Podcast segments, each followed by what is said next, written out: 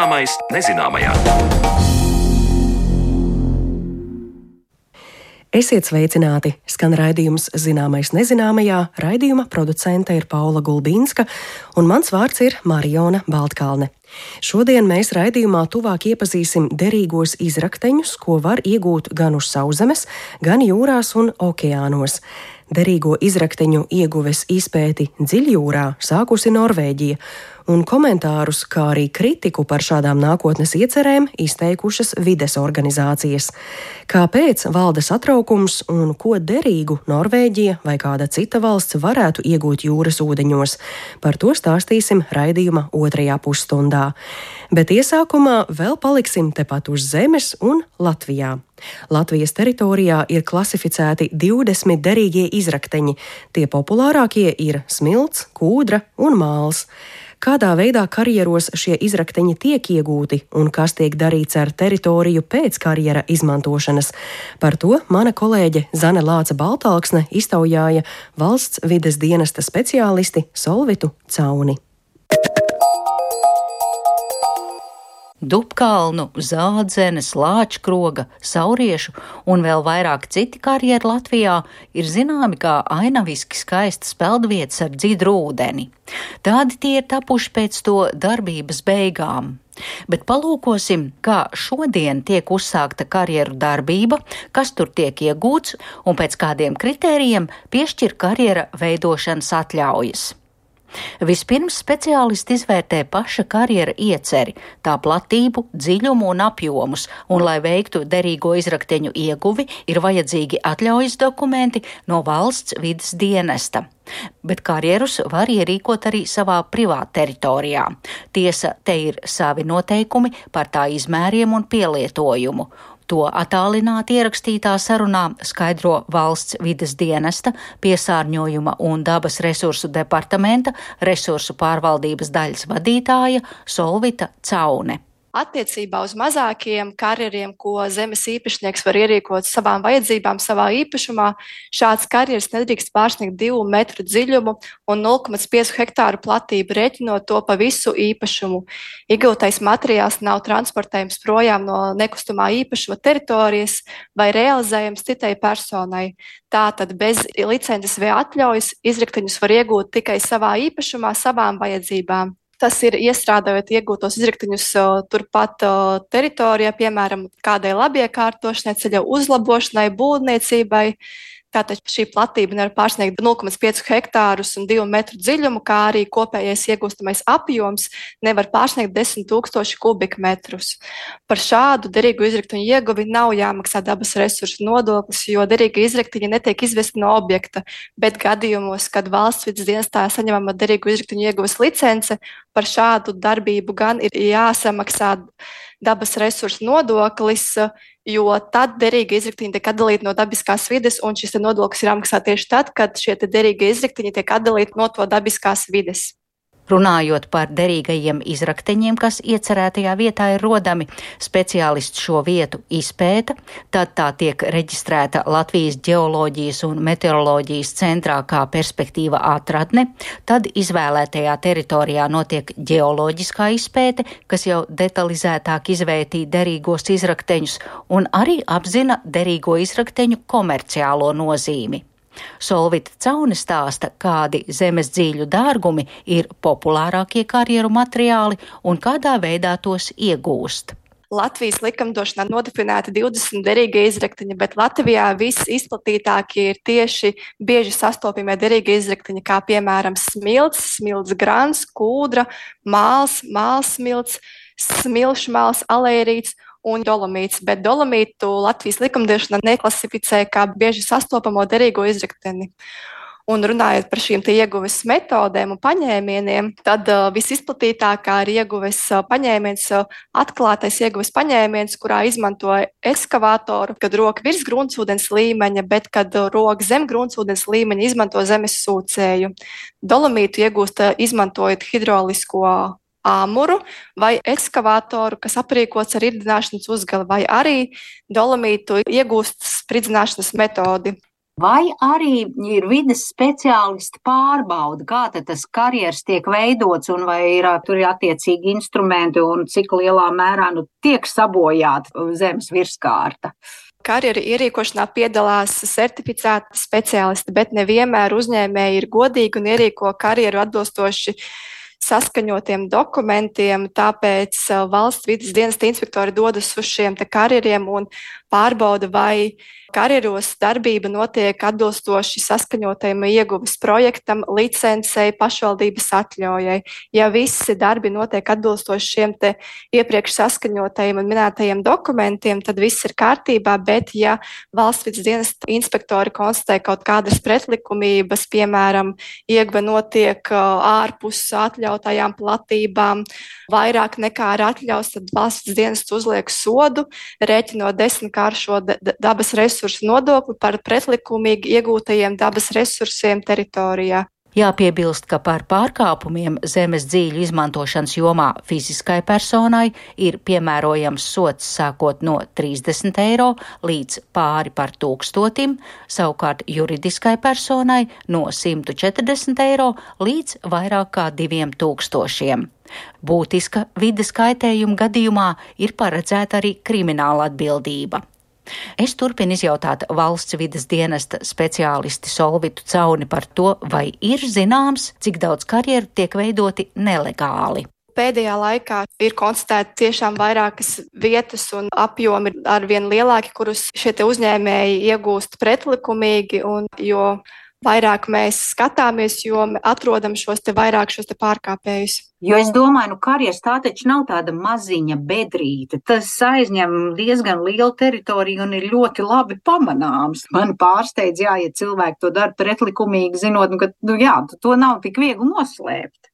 Varam pieminēt arī to, ka valsts dienests veic arī attālinātās pārbaudas, izmantojot Google Earth karšu slāņus, satelīta attēlus un tādējādi var jau pamanīt šo pretlikumīgo ieguvu, principā sēžot pie datora jau iestādes telpās. Bet jūs sakāt, ka tomēr es saprotu, tā tendence ir, ka palielinās, ka tiešām ne, negodīgu šo karjeru veidotāju skaits pieaug, vai vienkārši viņi biežāk tiek kontrolēti? Varbūt nepieaug, bet mēs vairāk konstatējam šos pārkāpumus. Varbūt šie pārkāpumi nav veikti pēdējā periodā, bet veikti kaut kad pirms vairākiem gadiem, kad jau nu, iestājies noilgums un nu, sodus mēs vairs īsti nevaram uzlikt. Nu, tas jau ir ne, nenoliedzams, ka karjeru, ja veido, tiek tā ekosistēma traucēta, cik lielā mērā un, un kā tiek ietekmēta šī apkārtējā vide, tad, kad tiek karjeras izveidots. Jā, kā jau viss, arī karjeru izbūve kaut kādā mērā ietekmē ekosistēmu. Tas ir atkarīgs no tā, kādu mēs drīgu izrakni iegūstam un kāds šis ieguves paņēmiens, bet ir dažādas ietekmes, kā piemēram gruntsūdens līmeņa svārstības, trokšņa, iespējamās emisijas, putekļu izplatīšanās, kā arī iespējams kaut kāda ietekme uz īpaši aizsargājamām ekosistēmām, biotopiem un tam līdzīgi. Runājot par šiem biotopiem un ekosistēmām, varam teikt to, ka Tad, kad konstatējam, ka plānota karjera izbūve kādā šajā īpaši aizskrējumā dabas teritorijā, tad uh, pirms darbības īstenošanas, kad darbību vēl vērtējam, tiek pieaicināti certificēti eksperti, kuri izpēta paredzēto karjeru ietekmi uz šo īpašo dabas vērtību. Eksperti sagatavo savu slēdzienu par darbību un sniedz rekomendācijas nosacījumus karjeru ierīkošanai un derīgu izrakteņu ieguvēju. Attiecībā uz putekļu izplatību ir reizes, kad pati ieguve un derīgā materiāla apstrāde, šķirošana, drupināšana var radīt putekļus un materiāla izvešana ar autotransportu arī rada putekļus, lai no šī izvairītos derīgo izrakteņu ieguvēji nereti veids jau šos pasākumus putekļu samazināšanai, kā piemēram, izvedot materiālu, tiek apsektas kravas, sausā laikā tiek laistīti grants ceļi vai tie pārklāti ar pretputēšanas līdzekli, kā arī ap karjeriem tiek veidoti apvaļņojumi un materiāla apstrāde notiek karjeru dziļumā, kur putekļu izplatība uz apkārtējo teritoriju var būt minimālāka. Attiecībā uz troksni, jā, troksni var veidot gan pati ieguve, attiecīgi no ieguves metodes rada lielāku vai mazāku troksni, tāpat ir ieguves paņēmieniem. Kas pēc karjeras darbības beigām, vai speciālisti apseko un kā, kurš izlēma, atstājam to karjeru vai aizveram vai kaut ko citu tur veidojam? Tad, jā, pabeidzot derīgo izraktuņu ieguvi, ir uh, obligāts nosacījums karjeras rekultivācija, jeb karjeras atjaunošana ainavā pēc semetiskās darbības rezultātā nodarītajiem pozitīviem, respektīvi šajā gadījumā dīķu vai karjeru ierīkošanas. Un šo karjeru rekultivāciju gala vārds ir pašvaldībai. Tad rekultivācijas pieņemšanā piedalās arī valsts vidas dienesta inspektori. Vai jūs varat paskaidrot, ja kas slēpjas zem šī termina? Tātad uh, rekultivācija ir jāuzsāk ne vēlāk kā vienu gadu pēc karjeras beigām, bet uh, runājot par pašu šo tālāko izmantošanu, nereti tur, kur uh, gruntsvudens ieguve nav notikusi zem gruntsvudens līmeņa un iepriekš iespējams ir bijis mežs, tad kā rekultivācijas veidu var izvēlēties šo te teritoriju apstādīt ar jaunu mežu. Teritorijās, kur piemēram ir bijusi kaut kāda derīgu izraktuņu ieguve zem gruntsūdens līmeņa, tur var atstāt uh, kā ūdens tilpni, dīķi, bet, protams, ir uh, visas nogāzes jāsakārto, jāatjauno dabīga auglīga augsne. Un uh, liels nosacījums ir jāsakārto teritorija ir tā, lai nebūtu draudi cilvēku dzīvībai, veselībai, kā arī apkārtējai videi, kā arī šim karjeram, rekultivācijas tam mērķim ir jāiekļaujas savā kopējā ainavā.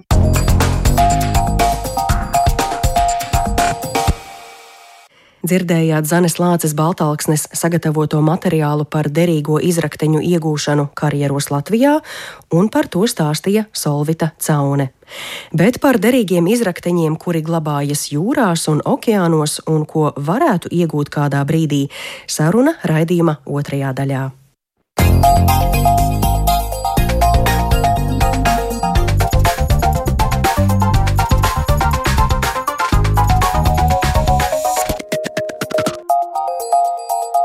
Zināmais nezināmajā.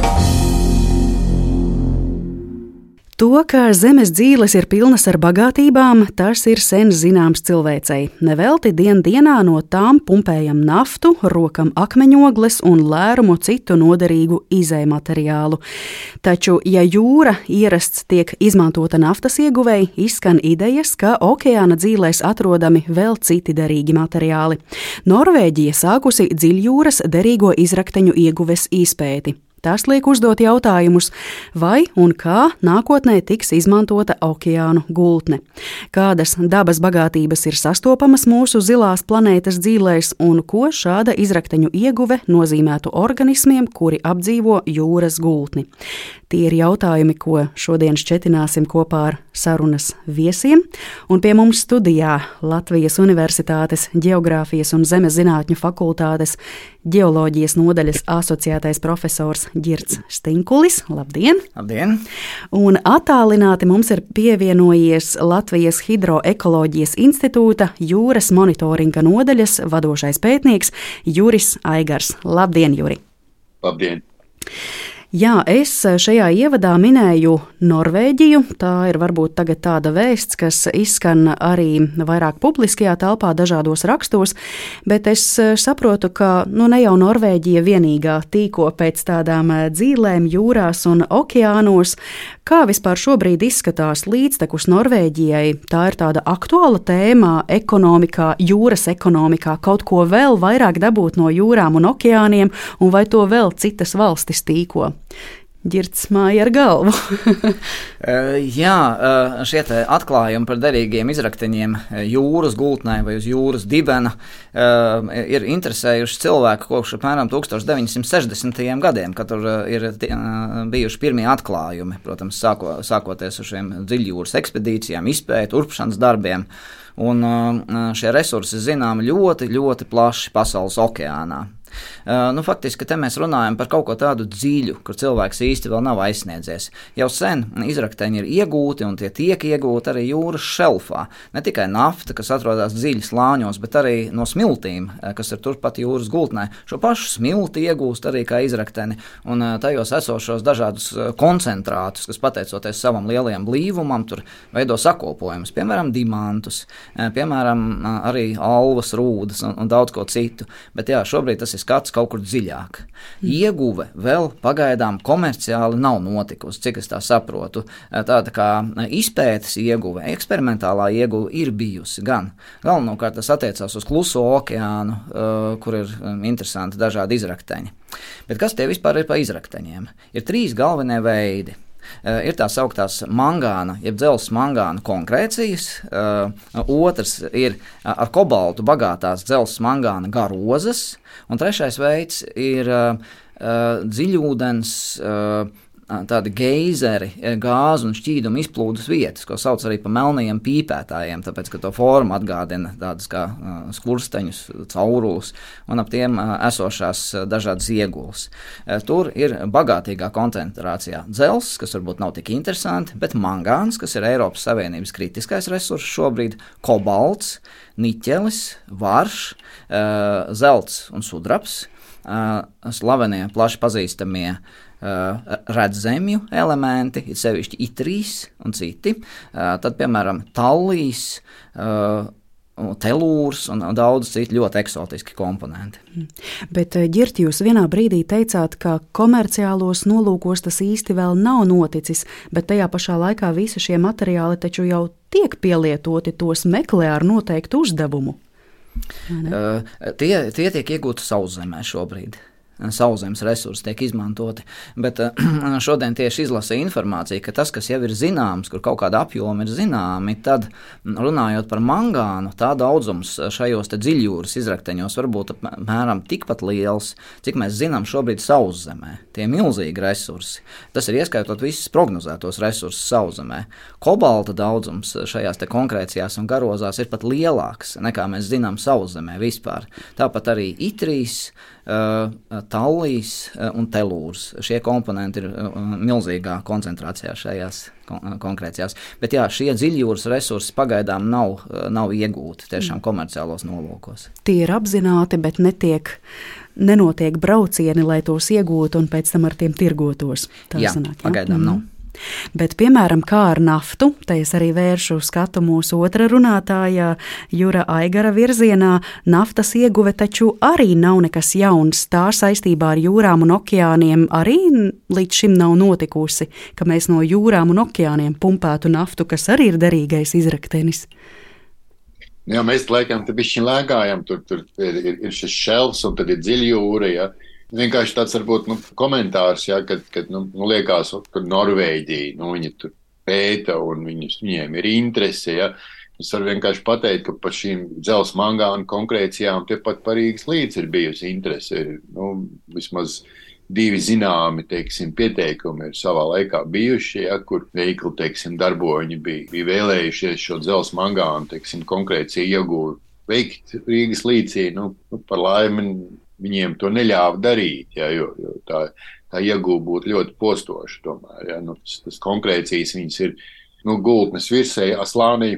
Un viņas ir ļoti izkliedētas. Tad, lai iegūtu šīs konkrēcijas, būtu vienkārši virsējā kārta jānorūk. Jā, ar, ar visu, kas nu, tur dzīvo jā, un, un aug. Jā, un tas tā, tā būtu diezgan liela posta. Tad, tad faktiski tā, tā ieguva, nu, ja, ja teiksim, mēs skatāmies uz naftu, jā, nu, naftas ieguva ir ļoti koncentrēta telpiski. Jā, ir urbums, jā, un, un, un, protams, kaut kāda apkārtne ir ietekmēta, bet vienalga nu, tas tāds nu, koncentrēts piesārņojums. Jā, bet, bet, ja mēs sākam runāt par konkrēcijām, jā, tad, tad tās ir izkliedētas, jā, un tas ir milzīgs laukums, kas tiek ietekmēts. Pārējot pie naftas, nu, es domāju, ka šī interese, protams, nu, no šelfa tad, kad tas būs izpumpēts, nu, pārvirzīsies uz dziļ, dziļāku jūrā. Ja, bet, nu, es domāju, ka tas ir pieprasījuma un cenas jautājums. Ja ir pieprasījums un ir tie, kas vēlās, ja viņi būs gatavi maksāt to naudu, ko, ko, ko tas maksās, ja, jo, jo dziļāk mēs ejam, jo grūtāk ir iegūt, lielākas ir izmaksas. Ja, tad arī būs nu, iegūta. Tas, ka teiksim, Eiropā pamazām pāriet uz uz, uz citām tehnoloģijām, tas varbūt nu, teiksim, padarīs to nu, neinteresantu kaut kādā brīdī. Tas jau arī uz sauszemes, cik es saprotu, notiek, kad ir, ir kaut kādas iegūtas, ja, kuras atrodas tālu ziemeļos, ja, kur iegūta ir sarežģīta un dārga, un tās, tās tā iegūta paliek interesanti tajā brīdī, kad naftas cena uziet līdz kaut kāda līmeņa. Jūrā tas ir vēl, vēl sarežģītāk. Ģir, tad precizējot to jūsu iepriekš skaidroto, tie ir jau tādi dažādi jau līmeņi, kā mēs varam raudzīties uz jūrām un okeāniem, šīm, šīm gultnēm. Ja ir kaut kas, kur mēs kaut ko derīgu varam iegūt jau tajā seklākajā līmenī, tad ejam tālāk un tālāk, un visur mēs kaut ko varam dabūt. Bet atgriežoties vēlreiz, tas viss tādos komerciālos, intensīvos nolūkos vēl netiek izrakts. Bet kā ar to naftu? Jums varbūt kāds komentārs? Nu jā, to naftu pilnīgi piekrītu kolēģiem. Uh, ir tā, ka šobrīd tā taustīšanās notiek vairāk nekā 2,5 km dziļumā. Uh, Meksikas līcī laikam tie lielākie dziļumi šobrīd ir. Protams, tur jā, tiešām tā nafta jau nav uz virsmas, tā kā tās konkrēcijas tā nafta būtībā ir dziļāk slāņos, un tad tā urbuma vieta atrodas tajā okeāna dibenā būtībā, un tad tas process viss notiek tur dziļi pazemē. Jā, tā diezgan liela atšķirība ir tiešām. Mm -hmm. Mums uh, raidījumā Zināmais nezināmajā šī gada vasarā, šī gada vasarā bija arī saruna par zemūdens arheoloģiju. Un tajā sarunā tapa skaidrs, ka mēs tiešām runājam par vēl vienu kosmosu, kurā ļoti daudz kas nav apzināts. Einu tagad meklē visos pasaules ūdeņos, kuros varētu būt kādi vraki, Ja mēs runājam par šiem derīgajiem izrakteņiem un to, cik daudz, piemēram, pasaules ūdeņi ir nokartēti tādā veidā, ka mēs zinām, kur ko meklēt geogrāfiski, cik daudz tas ir apzināts. Man būs laikam grūti atbildēt precīzi. E, ir dažas vietas, kas ir e, labi pētītas, piemēram, Klusajā okeānā. E, ir tāda klariona, klapertona zona, kur ir ļoti daudz šo dzelzceļa mangānu konkrēciju. Tad ir arī tāda ar ļoti skanīgu nosaukumu galvenā garozu zona, arī Klusajā okeānā, kur ir atkal šo kobaltu bagātās garozas zināms. Un tik tiešām ir zināms, ka vietām tas daudzums ir ļoti liels, ka piemēram viens kvadrātmetrs jūras dibena, ka tajā ir kaut kāda 75 kg šo konkrēciju. Un tā ir kā no tā resursu viedokļa lūkojoties, jā, nu būtībā tie ir milzīgi, kā kvalitatīvi resursi, bet nu, šī otra puse arī, protams, ir ļoti satraucoša. Šī, uh, tā vide, kas tur ir apkārt, un tur ļoti, ļoti daudz ir nezināmā. Un tieši tāpēc jau tā komerciālā ieguva arī nenotiek. Mm. Tur tagad viedokļi dalās pasaulē, bet vairums ir pret šādu ieguvi. Mm -hmm. Un tad tieši arī jautājums, eh, kāpēc pašlaik Norvēģijā ir notikuši šie meklēšanas darbi? Kā tad saprata, ka no visa šī plašā klāsta, no pasaules kartes mums būtu tagad kaut kas jāsāk darīt Norvēģijā? Cik jums par to ir zināms? Tas ir kaut kas apzināts vai netīšām noticis? Nu, es domāju, ka tas viss ir ļoti apzināts, ka principā nu, nu, jebkurai valstī tīri no politiskā viedokļa, ja teiksim, savi ūdeņi, ja savs, nu, teiksim, gan šels, gan tālāk, savi ūdeņi ir, ir tas, kas tiek nu, apzināti sargāts un apzināti tiek pētīts. Ja, varbūt, kad, tad, kad aiziet uz dziļākiem ūdeņiem, uz lielākiem dziļumiem, tā izpēta varbūt šobrīd ir vienkārši, lai saprastu, kas tur ir. Ja, Lai saprastu, cik ļoti to, to varbūt vajadzētu nu, pieskatīt, ja drīzāk tā. Ja. Uh, nevis izmantot, ja, bet eh, nu, ar tādu domu, ka, nu, ja vajadzēs, tad mēs zinām, kur ir. Ja.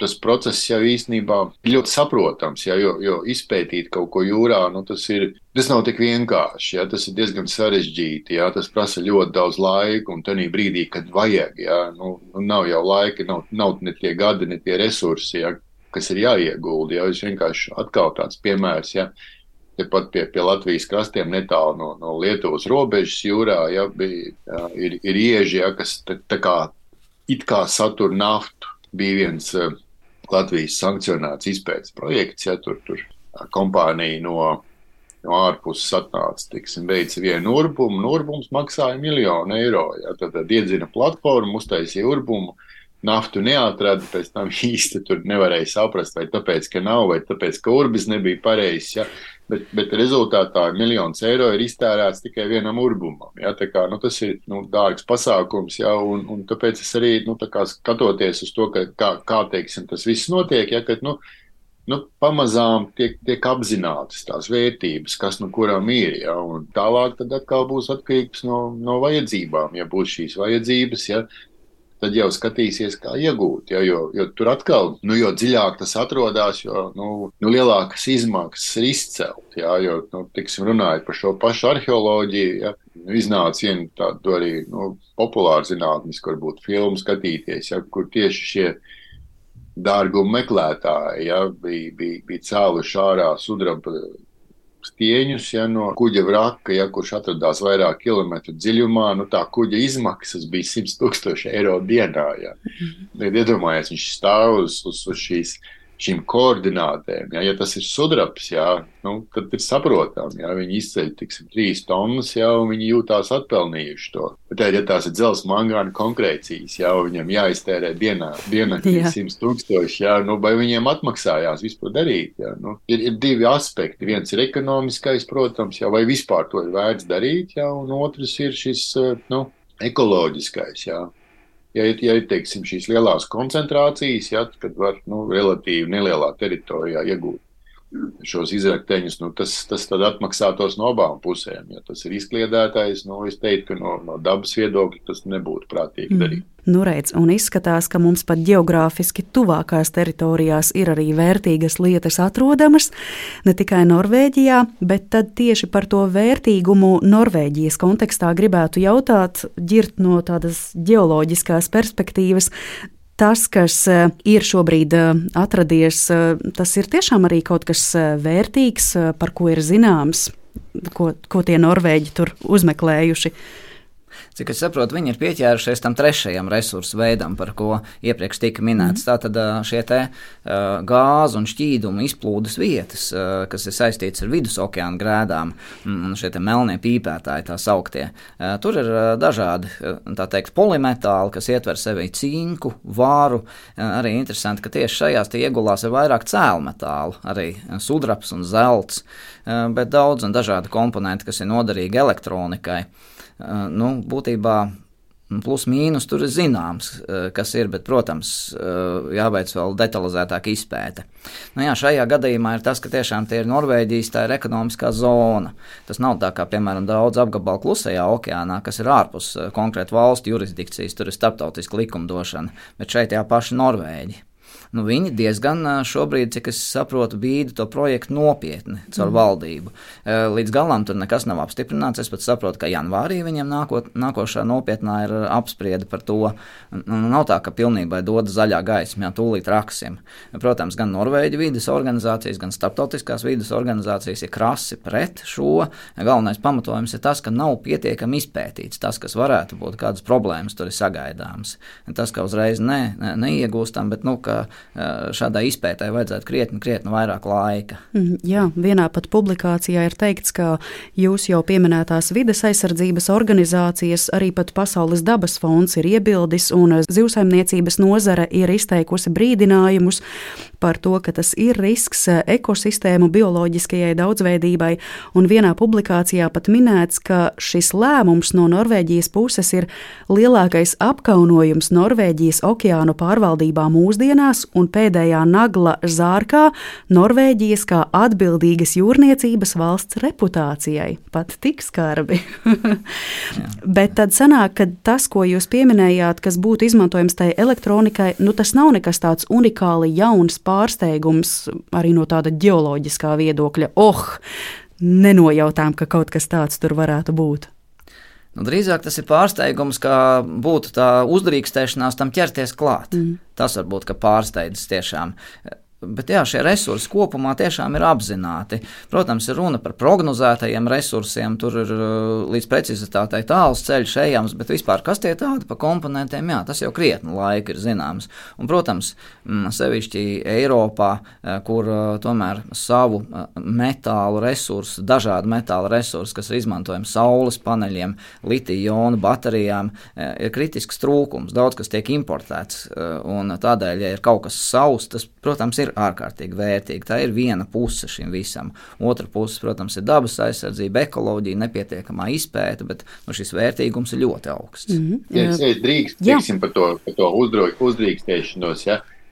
Man atkal īstenībā neizbrīna, jo, jo Norvēģija ir tā zeme, kam ir, nu, viņiem ir diezgan senas šīs tradīcijas, jā, dziļjūras teiksim, pētījumiem, jā, un, un, un viņiem ir šī kapacitāte tehniskā to izveikt. Jā, jo viena lieta, es gribu, jā, otra, vai es vispār to tehniski varu, varu veikt. Jā, un, Norvēģu apvienotie Emirāti, ja, kā mēs viņus varam nosaukt. Ja, tad, tad faktiski Norvēģija ir naftas lielvalsts ja, ar visu no tā izrietošo. Ja, tad, tad viņiem pirmkārt jau ir mentalitātē iekšā, ka nu, mēs izmantojam šos derīgos izrakteņus. Otkārt, šie gadi, kas ir bijuši, ja, viņiem ir, ir, ir attīstījuši šo kapacitāti strādāt dziļās jūrās, jo nu, tās naftas platformas ir, ir jāuztur, jā, jāizveido un jāuztur. Ja. Un līdz ar to gan, gan psiholoģiski, gan tehniski viņi tam ir gatavi. Ja? Bet, bet, protams, šis ir, tas, šis ir tas jautājums par, par ietekmi uz vidi. Tur viņiem tiešām ir jātiek skaidrībā, ja? kāda būtu šī ietekme, ja viņi patiešām ķertos klāt. Ja? Un tur, tur es labi saprotu šos argumentus, ja, ka nu, nu, vajadzētu iepauzēt vispirms normāli, veikt šo izpēti, priekšizpēti, ja? un tikai tad ķerties klāt kaut kam, mm. ja vispār. Tieši, ja mēs runājam par to tehnoloģisko pusi, jūs minējāt, ka Norvēģija ir tādi apvienotie Arābu Emirāti Eiropas līmenī, un ja viņi tam tehniski ir sagatavoti, kas ir tās iekārtas tehnoloģijas, kādā veidā iegūt šos izrakteņus un kādā veidā arī veikt priekšspēti, tas taču arī kaut kā tehniski ir jāizdara. Grūti pateikt, ja tur ir jāskatās, ka Krievijai bija tā zemūdens kurs, kas bija nogrimus un iekasim 20 metru dziļumā. Ja, sākotnējā stadijā, nu, kurš tur dosies un kurš vispār var un kuram ir kapacitāte. Un tad, un tad Norvēģi bija viena no tiem, kas piedāvājās, ka viņiem ir šis eh, zemūdens, teiksim, aprīkojums, ka viņiem ir batiskavs vai kas no viņiem tur bija, vai, vai, vai, vai speciāli zemūdeni, ka viņi var aiziet uz šo, šo dziļumu. Ja, nu, ja iet runa pa kilometriem lielu dziļumu, es domāju, ka tas jau nav teiksim, nu, tik vienkārši, bet eh, priekš tam jau viņiem arī ir, ir šie dziļjūras teiksim, roboti, ja, vadāmie, ar ko tad arī faktiski, gan, ja viņi spēj apkopot naftas platformu, nu, tad arī šādu izpēti, es domāju, ka viņi var veikt. Ja, tad, tad, mm. nu, gan, gan kuģi, gan, gan, gan šis aprīkojums, gan šī pieredze. Jā. kā lietot. Ja es nedomāju, ka viņi tur sūtīs lejā uzreiz ūdenslīdē. Ja? Es domāju, ka sākumā būs šie dziļūdens roboti, ar ko viņi veiks šo priekšizpēti. Ja? Nu, pēc tam par ieguvi, nu, tur, tur man ir ļoti grūti pateikt, vai viņiem ir šī ieguves kapacitāte jau, bet no izpētē viņiem noteikti ir. Mm -hmm. Jā, ģirt jums ar kas komentējams ja, par šo. Nu jā, tur eh, tās tehnoloģijas ir mainījušās laika gaitā, pat, pat eh, ka nekas liels nav darīts, tik un tā idejas ir mainījušās. Kādreiz bija vairāk tā, tā doma, ka eh, tā ir tāda kā uzsūkšana būtībā no šī lielā dziļuma, kaut kas līdzīgs konvejeru lentām, kas transportē to materiālu augšup. Tagad tā doma tik tiešām ir par šiem robotiem, kuri paši tur darbojās un ņemās dziļūdens vidē, un, arī viena tāda tehnoloģija bija tā, ka salīdzinājuma salīdzinām ar kartupeļu ražas ievākšanu, ka viņš pats kaut kā šķirotās konkrēcijas pat tik tālu, ka viņš ir spējīgs varbūt atšķirt tur, kur ir dzīvība, kaut kur vairāk, kur nav selektīvi iegūt uh, kaut kādas tās konkrēcijas grupas. Bet, nu, protams, tas ir tāda, uh, jo detalizētāk, sīkāk, precīzāk tas tiek darīts, jo varbūt tas ir dārgāk un mazāk var iegūt. Bet, jebkurā gadījumā, to postu nodara tas, ka, teiksim, tas atlikušais materiāls, tas, kas nav izmantojams, ka tas kaut kā gāsts, eh, tiek gāsts atpakaļ tajā okeānā. Un tur idejas arī vairākas, vai tur pat tajā iegūs vietā, tajā dziļūdens vietā, vai vienkārši izkaisīt okeāna virsējā daļā. Un tam visam ir savs kaitējums uz apkārtējo vidi. Un nezinu, nu, droši vien, ka būtu nepieciešams kaut kā to atrisināt, ka uh, to negāzt gluži okeānā apakaļ, varbūt te kuģī tur savākt un kaut kā šķirot. Es nezinu, grūti pateikt. Mm. Ir. Uh... nu, redz, te mēs arī likumsakarīgi esam nonākuši pie tā, ko jūs abi jau sarunas laikā minējāt, ka ir pārāk maza izpēta līdz šim veikta, lai saprastu, kā, kādu ietekmi tas uz vidi radītu. Un tieši to arī gribēju saprast, ko tas nozīmētu jūras ekosistēmai, organismiem. Tad sanāk, viens ir tas, ko jūs jau ģert iezīmējat, ka kaut ko izrok un tad te jau tā kā tādus atkritumus samet atpakaļ jūrā, okeānos vai ietekmi rada arī tas, ka nu, te jau tā kā tāds zops no gultnes tiek izrauts, un mēs nezinām arī pēc tam, kas tur notiek tajā izrautajā vietā. Kā jūs varētu vēl paraksturot šo ietekmi uz ekosistēmām, organismiem? Dobu izraušana, tur varbūt eh, tiksim, kolēģis var labāk pateikt, jo, jo man, man tiešām ar šiem nu, dziļūdens teiksim, nu, izplūdes vietām nav, nav ne informācijas, ne pieredzes. Jā, es nekad neesmu aizdomājies, kas būtu, ja tur kaut ko sāk. Sāk kurķēties, jā, jo nu, nu, tur, tur varētu būt interesanti, jo tur nu, gal galā. Nu, no kaut kurienes tas viss nāk, ja mēs tur sākam tur darboties, ja varbūt mēs pātrinām kaut kādus procesus ja, un, un iegūstam ne, ne gluži to, ko gribējām. Ja. Vairāk, teiksim, ir zināms par pirmo variantu, ja, kad tiek, tiek izņemta grunts ja, un, un, un, un daļa no tās tiek izmantot, bet lielākā, lielākā daļa pie tam tur ir vairākas reizes, droši vien vairāk ir tiksim, tas, tas, kas paliek pāri. Ja, un, Un tagad tas, tas, tas materiāls sākotnēji teiksim, nosēdies un ticis apdzīvots. Nu, viņš tur kā, nu, ir daļa no ekosistēmas, bet tikko mēs paceļam augšā, nu, mēs apberam, nu, mēs reāli apberam apkārtējo vidi. Ja? Tas arī bija tas, ko es pieminēju, kad, kad gāja runa par šiem naftas urbumiem. Ja? Nu, nu, tas, bet tas caurumiņš jau ir nu, relatīvi neliels. Ja? Un, Un tas, tā, tas laukums, kas tiek apbērts, arī ir attiecīgi nav, nav tas lielākais. Ja? Bet, ja mēs nu, paceļam augšā, mēs izkaisām, ja mēs vienkārši nu, nomācam ļoti lielās teritorijās ja, organismus. Īpaši jau, nu, es nezinu, tiksim, Norvēģi gadījumā vai, vai tās izpētes vietas un, un iespējamās, teiksim, ir arī tuvu, teiksim, dziļūdens koraļiem, kas ir ļoti jūtīgi organismi, ja, un saudzējiem, un ja tas ir tuvu tam, jā, nu, tad ir vēl trakāk. Jā, tas, tur, tur, to, tos nobeigt ir diezgan viegli, bet atjaunojās viņi ļoti lēni. Tiksim, Ziemeļjūras valstīm, kā Norvēģija, Islandē, viņi speciāli kartē, tur zveju neietekmētu. Jā, nu, šī būtu vēl, vēl trakāk ietekmēta. Nu, tur ir daudz jautājumu, kuriem jāatbild. Nu, redz, te mēs atgriežamies pie tā, par ko pirmīt runājām, cik nokartēta ir zemeslode vai ne, un acīm redzot, tas ir svarīgi, lai mēs saprastu, kādu ietekmi mēs radām. Girta ir vēl kāds komentārs par to, ja ne gluži atkritumu izkaisīšanu atpakaļ jūrās, okeānos, bet tieši par to dziļo urķēšanos, cik daudz mēs zinām, kādu ietekmi tas rada. Daudz ir nezināmā, protams, bet uh, vēl viens tāds moments, arī, par ko runā, uh, ka būtībā šīs konkrēcijas un šīs garozas savā ziņā ir salīdzināmas ar tādiem milzu sūkļiem. Tur ir daudz poru, uh, tukšuma, notiek sorpcija no okeāna ūdens, tiek arī dažādi metāli sorbēti. Un radās jautājums, es šo visu noņemu, kur tad tas paliek, kur šie metāli sorbētos, kā tas process tālāk attīstītos. Arī tāda kā nu, nevajadzīga dziļūdens vidas piesārņošana ar to, kas ir dabisks, bet ko nav kur vairs savākt apakaļ. Kā tas šo līdzsvaru mainīt arī. Mm -hmm. Un vai mēs varam arī izdarīt prognozes par to, ka iegūstot liela apjoma iegulas šajos rajonos, tas kaut kā ietekmētu arī ģeopolitiskos procesus? Droši vien tāda pieredze kaut kur pasaulē varbūt arī ir bijusi. Nē, nu, es domāju, ka tā, tā interese par šīm iegulām tieši ģeopolitikas dēļ arī ir.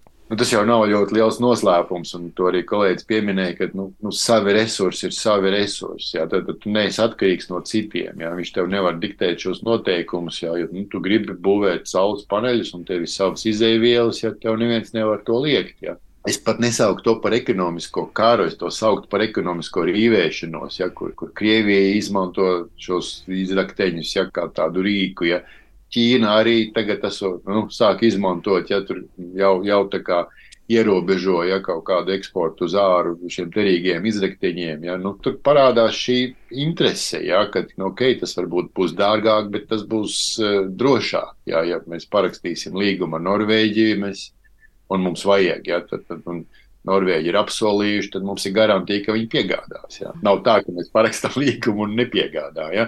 Tur es domāju, ka tas ir viens no tiem no momentiem, ka šī ģeopolitiskā situācija mainās. Gan jau, ka Norvēģija nav vienīgā. Ja? Mēs vienkārši sadzirdējām. Ja? Es pieņemu, ka ir daudz kur citur pasaulē arī pastiprināta interese par kaut kādām vietām, ja, kur varētu iegūt šos derīgos izrakteņus. Ja. Nu jā, tad, kad spēles noteikumi mainās, tad droši vien mēs arī nevaram vienmēr cerēt un būt pārliecināti, ka tā gala nopietnā izpēta līdz galam notiks? Jo mums ir jāpieņem ātri risinājumi. Varam tikai cerēt un eh, sekot līdzi, kas tad tālāk Norvēģijā notiks, kā viņi šo, kā viņi paši raksta, lielāko apkaunojumu risinās tālāk. Bet pietuvojoties mūsu sarunas noslēgumam, tas, kas varbūt nav tik ciešā veidā saistīts ar dziļūdens urbumiem, ir arī aktuālie pētījumi, un es zinu, Girt, ka jums pilnīgi noteikti šajā ziņā ir ar ko padalīties pētījumi par pamatklintāju. Kur un kas tas ir? Jā, tas varbūt šobrīd šķiet tāda zināma eksotika, bet Latvijas pamatklientājā ir tāda neapzināta, hipotētiska resursa un ir ļoti labi zināma resursa, kur varbūt runa vienīgi par elementu koncentrāciju, par elementu kopējiem daudzumiem jautājumi.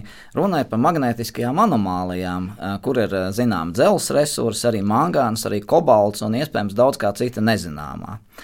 Mums ir patiesa prieks, ka Latvijas Zinātnes padome ir piešķīrusi finansējumu uz trīs gadiem projektam par pamatklintāju dzelsrūdu izpēti, kas pamatosies uz mineraloģisku, petrogrāfiskiem, veco urbumu sēžu pētījumiem, ķīmiskajām analīzēm jaunām un ar ģeofizikālo metožu palīdzību apzinātiem šo derīgo izrakteņu ķermeņu apjomiem, formām, kā, kā tur pazemē izskatās.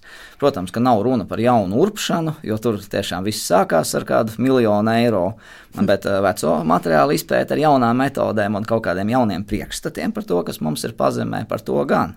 Un, nu, tas pirmais priekšstats ir tāds, ka tiešām šie resursi ir ļoti apjomīgi. Jā, tie ir dziļi, sākot ar 700 metru dziļumu līdz kilometram. Ar mūsdienu tehnoloģijām tas nav nekas īpašs, veikt arī ieguvi kaut kad nākotnē, bet nu, pagaidām runa tikai par izpēti, par precizēšanu tāda jauna lapuse fundamentālās zinātnes grāmatā, un kurā pusē to ir plānots veikt? Būtībā jau pētītas tiks urbuma sērdes, kuras ir sēržas glabātavā, bet šīs pašas magnētiskās anomālijas, kuras tās rūdas ir, tā ir staicele, gārsene, kas ir tādas labāk zināmas, un tad arī strenči un inču kalns. Un magnētiskās anomālijas, kā tas būtu skaidrojams, tiešām kaut kas tur aiziet pa pieskari tajā pusē? Eh, izskaidrojums ir diezgan vienkāršs. Dzelsrūdās galvenais minerāls ir magnetīts, kas ir pasaules magnētiskākais dabiskais minerāls, ferromagnētiķis. Un, eh, ja mēs pieliekam eh, kompasu pie magnetīta parauga, tad tā būtiņa skrien kā traka dažādos virzienos nesaprotam. Un, cik es saprotu, ar jūtīgām magnētiskām ierīcēm staicēls apkārtnē ļoti labi var saprast, var fiksēt, ka tur apakšā kaut kas ir. Mm, nu redz, lai jums izdodas šie darbi. Un, Juri, noslēdzot, Lies. kas jūsu tuvāko darbu klāstā paredzēts attiecībā uz jūras monitoringu? Kopš kādu laiku atpakaļ tika pieņemta jūras direktīva. Jā. Nu, mums ļoti, ļoti liels uzsvars ir tieši uz šo informācijas kapacitātes celšanu. Jā, jo, jo, jo labi to zinātnē tas bija labi zināms, jā, bet, bet nebija tā kā rezultējies ar kādu, teiksim, juridisku dokumentu, jā, bet, nu, tā kā kad, kad viss ir ļoti komplekss, viss ir saistīts. Ja, kad nu, mēs nevaram nu, nu, kaut vai nu, šie paši piemēri, ko mēs te pārunājām. Ja, nu, mēs kaut kādā vienā vietā veicam kaut kādu darbību, ja, bet tās ietekmes izplatās ja, un ietekmē daudzas citas lietas. Ja, bet, bet, lai mēs varētu kā, precīzi pateikt, ok, ja mēs sākam kaut ko darīt, ja, nu, kādas būs šīs ietekmes mums ir, ir tas, tas tā kompleksa ekosistēma, tomēr bija labāk jāsaprot. Jā. Nu, tas, tas ir tas, ko mēs vairāk vai mazāk arī nu, pēdējos gadus mēģinam virzīt uz priekšu šo izpratni. Ja. Mēs neesam vienīgie. Faktiski visas vis Eiropas valsts ar to nodarbojās. Ja. Un, Un varbūt, ka savā ziņā mēs esam pat nu, labākā situācijā, jo mums nav šis dziļais okeāns. Nav par ko strīdēties. Valstīm, kurām ir dziļais okeāns, nu, viņām ir nu, pa kārtu sarežģītāk šīs lietas. Jā. Es esmu bijis sanāksmēs, kur port, portugāļi kliedz un brēc, ja, ka mēs šito nevaram. Jūs iedomājieties, ja viņiem Atlantijas okeāns tur padās blakus. Ja. Tā kā jā, nu, mums ir. Nu, šis darbs turpinās. Un... Arī mazu valstu priekšrocības ir sakārtot uh, savus uh, papīrus un uh, likumdošanu un regulējumus, kas jau vien prasa savu tiesu laika, un meklēt ko interesantu zemes dzīvēs, kas rada nemazumu pārsteigumu un brīnumu. Liels paldies jums abiem, ka skaidrojāt šo situāciju, kas tad notiek Norvēģijas pusē, un tas protams, ir tikai sākums. Ticu, ka vēl kādi stāsti par to, kā Norvēģija savas problēmas risina, parādīsies vēl, un kas zina, varbūt vēl pie kādiem jaunumiem atgriezīsimies laika gaitā. Bet eh, šodien saku lielu paldies mūsu sarunas viesiem, un tie bija Latvijas Universitātes Geogrāfijas un Zemes zinātņu fakultātes ģeoloģijas nodaļas asociētais profesors Girts Stinkulis, un attālināti ar mums kopā bija Latvijas hidroekoloģijas Latvijas Institūta jūras monitoringa nodaļas vadošais pētnieks Juris Aigars. Paldies jums abiem par sarunu. Un mūsu raidījums šodien veltīts geoloģijas dažādiem jautājumiem, ar to arī noslēdzas. Par raidījumu gādāja Paula Gulbīnska, Nora Mitspapa, Girts Bišs, un pie mikrofona bija Mariona Baltkalne. Patīkamu jums šīs dienas turpinājumu, un mēs tiekamies atkal citu reizi. Visu labu!